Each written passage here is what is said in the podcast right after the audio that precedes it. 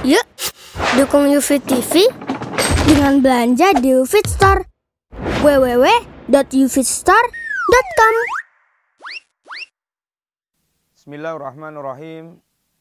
Innal hamdalillah wassalatu wassalamu ala Rasulillah wa ala alihi wa ashabihi wa mawalah wala haula wala quwata illa billah amma ba'd. Alhamdulillah para pemirsa yang rahmati Allah Subhanahu wa taala. Kembali kita berjumpa dalam silsilah kajian silsilah Yaumil Akhir. Kajian yang membicarakan tentang berbagai macam hal yang berkaitan dengan Yaumul Akhir.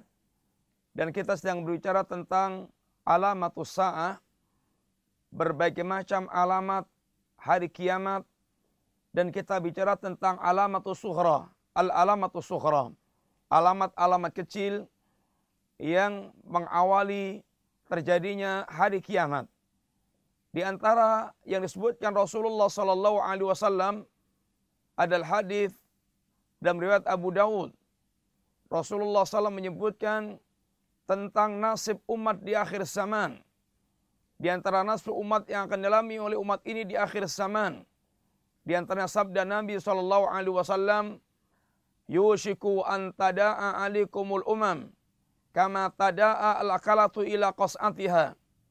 Faqala qail amin killatin nahnu yawma idin qal bal antum yawma idin kathirun walakinnakum ghutha'un ka ghutha'is sil. Wala yansi'anna Allah min suduri aduwikum al-mahabbata minkum wal yaktifanna Allah min qulubikum al-wahn fi qulubikum al-wahn wa mal wahnu ya Rasulullah hubbu dunya wa karahiyatul maut.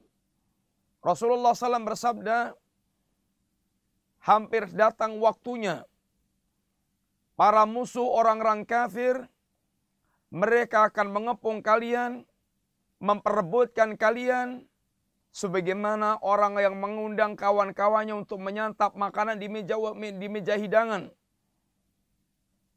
Maka ketika para sahabat mendengarkan perkataan Nabi yang mulia ini, tidak terbayang pada para sahabat tentang hinanya kaum muslimin.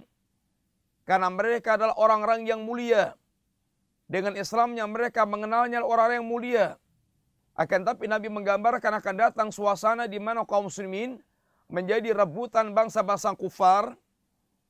Mengeruk apa yang ada pada kaum muslimin mengambil berbagai hal yang ada pada kaum muslimin dan menunjukkan kaum muslimin dalam keadaan lemah yang sangat lemah sebagaimana orang yang mengundang kawan-kawannya untuk menyantap makanan di meja hidangan menyantap semaunya mengambil apa yang dia inginkan apalagi orang yang datang lapar kemudian hidangan sangat lezat maka sungguh bisa dibayangkan. Lalu sahabat ini pun bertanya ya Rasulullah amin killatin nahnu yauma idin Apakah pada hari itu kita jumlahnya sedikit? Bayangannya pada jumlahnya sedikit dikeroyok yang banyak tentu akan kewalahan. Bahkan Nabi katakan bal antum yauma idin kathirun. Bahkan kalian jumlahnya waktu itu sangat banyak. Jumlah kalian sangat banyak. Akan tapi Nabi katakan kalau berbicara tentang kualitas walakinnahum ghutha'un ka ghutha'is Kalian bagaikan buih yang berada di sebuah lautan, berada sebuah aliran, buih, kualitas buih. Yang Nabi lalu terangkan di antaranya, wala yang si annallahu min suduri aduikum al mahabata minkum. Benar-benar Allah Subhanahu wa taala mencabut dari hati para musuh kalian rasa gentar kepada kalian.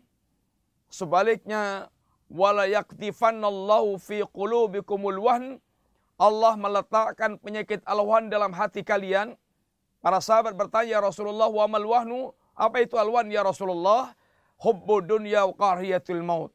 Cinta dunia dan bencinya mereka pada kematian.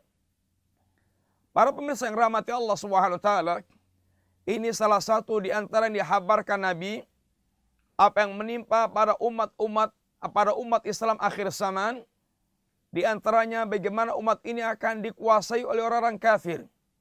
Menjadi bahan rebutan, menjadi bahan ya ini uh, penghinaan bagaimana umat merasakan hinanya di hadapan orang-orang kafir dan di antaranya kita sekarang sedang di masa masa yang digambarkan Rasulullah Sallallahu Alaihi Wasallam.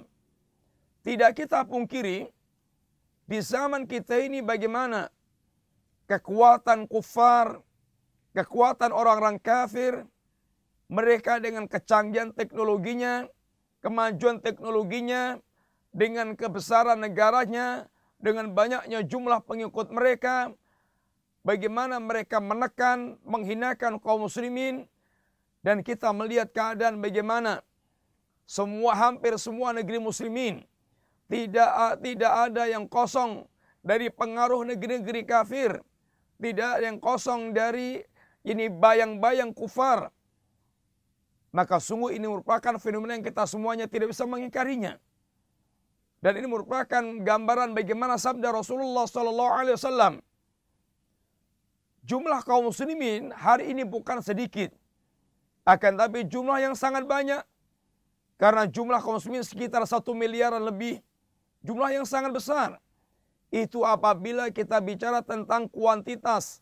Akan tapi apabila bicara tentang kualitas, maka umat ini kahusai ini kahusai sil seperti buih yang kualitasnya bisa kita bayangkan. Buih hanya mengalir begitu saja tidak memiliki bobot. Dia ditentukan tidak menentukan, dia mengalir bersama dengan sampah-sampah seperti kaum muslimin yang mereka mengalir dalam kehidupan bersamanya sampah-sampah pemikiran bersamanya dia membawa sampah-sampah pemikiran filsafat pemikiran orang kafir dan musyrik mereka bersama dengan budaya-budaya orang kafir dan musyrik dan mereka ditentukan dan tidak menentukan mereka betul-betul mengikuti arus kehidupan orang-orang kafir. Gaya kehidupan mereka sebagaimana gaya kehidupan orang-orang kafir. Dan kaum muslimin benar-benar tidak disegani oleh orang-orang kafir. Orang kafir tidak segan dengan kaum muslimin. Karena kaum muslimin betul-betul dalam keadaan lemah selemah-lemahnya. Besarnya negeri, banyaknya banyaknya umat, akan tapi kosongnya dari keimanan dalam hati mereka, lemahnya kiman hati mereka menjadikan orang kafir tidak memiliki rasa segan kepada kaum muslimin. Para pemirsa rahmati Allah Subhanahu wa taala dan kaum muslimin sedang mengidap penyakit yang sangat berbahaya. Penyakit yang menjadikan umat ini tidak memiliki kekuatan sama sekali. Ini hubbu dunia wa karahiyatul maut. Cinta dunia dan kebencian mereka kepada kematian. Orang yang mereka cinta dunia akan lupa dengan akhirat. Orang yang mereka cinta dunia akan mereka jauh dari Allah Subhanahu wa taala. Orang mereka cinta dunia mereka akan takut dengan segala yang mengandung resiko pengorbanan. Orang mereka cinta dunia maka setiap hari pikirannya adalah bagaimana mengumpulkan harta dan mengumpulkan harta. Maka sungguh akhirnya agama pun bisa dibeli. Dia bisa dibeli agamanya ditukar dengan jabatan, ditukar dengan harta, ditukar dengan ini berbagai macam tawaran-tawaran dunia dan itulah fenomena yang ada di zaman kita sekarang ini. Para pemirsa yang rahmati Allah Subhanahu wa taala, sungguh umat ini berada dalam keadaan yang sangat mengenaskan. Bertubuhnya betul-betul sangat lemas dan lunglai karena penyakit-penyakit kronis yang ada di dalam dirinya. Di antara penyakit yang diidap oleh kaum muslimin yang membuat dia lemah betul selemah-lemahnya di antaranya yang pertama adalah penyakit hubbu dunia. Penyakit kecintaannya kepada dunia. Ini yang betul-betul membuat kaum muslimin lemah imannya. Sehingga agama mereka bukan sesuatu yang besar. Bandingkan dengan para sahabat yang mereka cinta kepada akhirat, maka dunia bagi mereka murah dan bagaimana betul-betul mereka selalu kehidupannya memandang ke depan tentang kehidupan akhirat mereka. Sehingga mereka menjadi orang-orang yang kuat. Dan bahkan kematian lebih mereka cintai karena kematian mengantarkan ke jannah. Khalid bin Walid ketika datang dengan membawa pasukan untuk menyerbu orang-orang kafir yang membuat orang-orang kafir hatinya gemeter dengan ucapan Khalid bin Walid bagaimana tidak kata Khalid ji'tukum biqaumin yuhibbunal mauta kama tuhibbunal hayah. Kami datang kepada kalian dengan pasukan yang kecintaan mereka pada kematian sebagaimana kecintaan kalian kepada kehidupan. Para ini para sahabat mereka betul-betul bagikan singa di medan laga. Kematian bahkan menjadi cita-cita mereka yang mereka cari. Sehingga betul-betul musuh dalam keadaan mereka gemeter ketika mendengar atau ketika berhadapan dengan kaum muslimin. Adapun di zaman kita tidak demikian. Bahkan semua risiko mereka takutkan. Bahkan kalau perlu agama dia jual demi untuk mendapatkan dunia yang mereka inginkan cintanya kepada dunia menjadikan dia takut mati dan dia membela dunia dengan segala-galanya. Di antara penyakit yang yang menjadikan umat ini lemah selemah-lemahnya pula adalah keberadaan para penyesat, keberadaan para dajjal, keberadaan para kadzab, keberadaan para imah al-mudhillun, para pemimpin yang menyesatkan, yang membuat umat ini benar-benar mereka tidak kembali kepada agamanya, bahkan dibuat umat ini semakin jauh dari agamanya. Umat ini oleh para dajjal, para pembimbing yang rusak, para imam yang menyesatkan, dibawa kepada syirik bukan diperjuangkan. Kita berada di zaman di tengah-tengah umat yang pemimpin umat Islam, para banyaknya para pemimpin umat ini yang mereka muncul sebagai para dajjal, para immah al-mudhillun, para munafik, alimul lisan. Begitulah fenomena yang pernah Nabi gambarkan tentang kehidupan kita ini.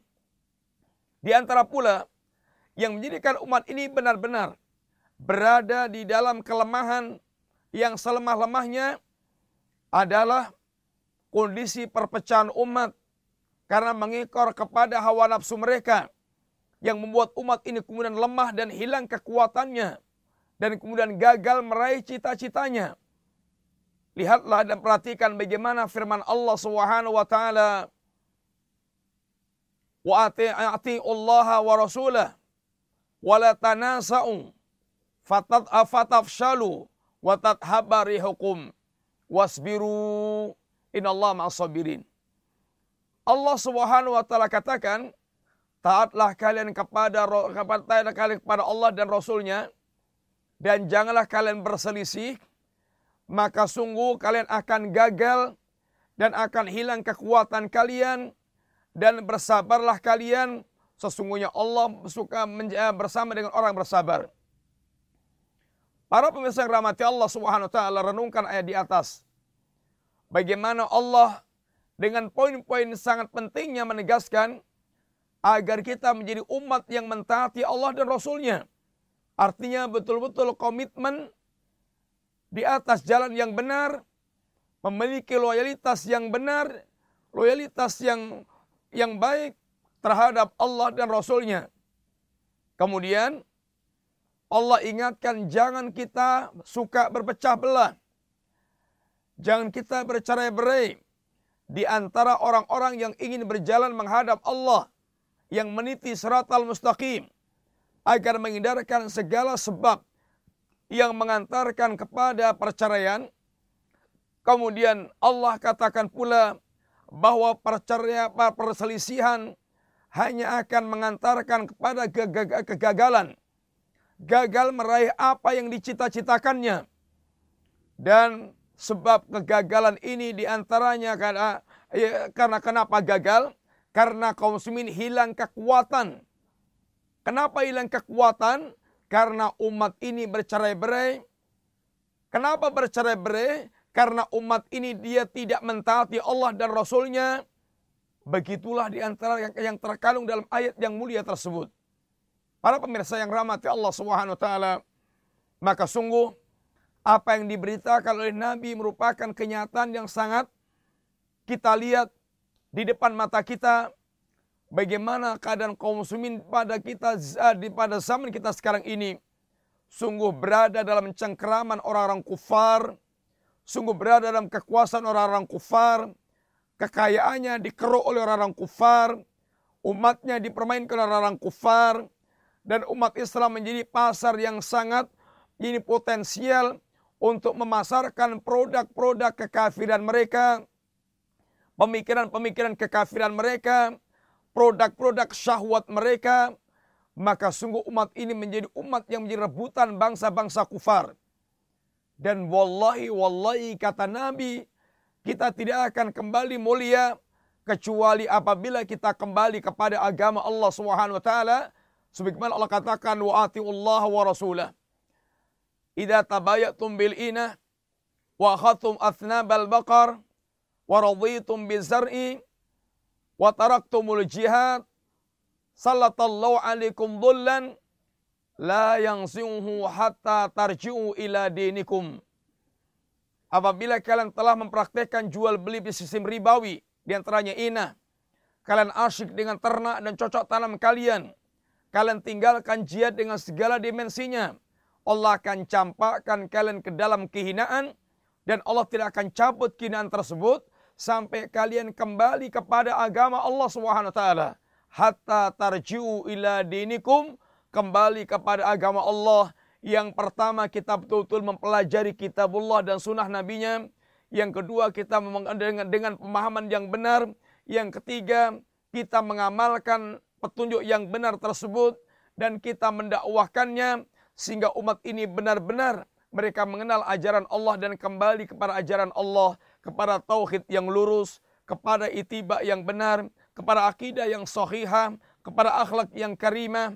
Hanya dengan itu umat ini menjadi mulia sebagaimana janji Rasulullah SAW as-sadiqul masduq dan janji Nabi tidak akan menyesali, tidak akan dusta. Semua janji Nabi adalah benar adanya. Semoga Allah Subhanahu wa taala menjadikan kita di antara umat yang betul-betul menjadikan tuntunan Nabi bimbingan terbaik dalam kehidupan kita dan selalu kita berada di atas jalan yang hak, dihindarkan dari segala fitnah, syahwat dan syubhat dan memberikan umur dan Allah membimbing umat ini untuk betul-betul menggapai kemuliaannya dengan menetapi agama Allah Subhanahu wa taala. Wassallallahu ala nabiyyina Muhammadin wa ala alihi wasallam. Assalamualaikum warahmatullahi wabarakatuh.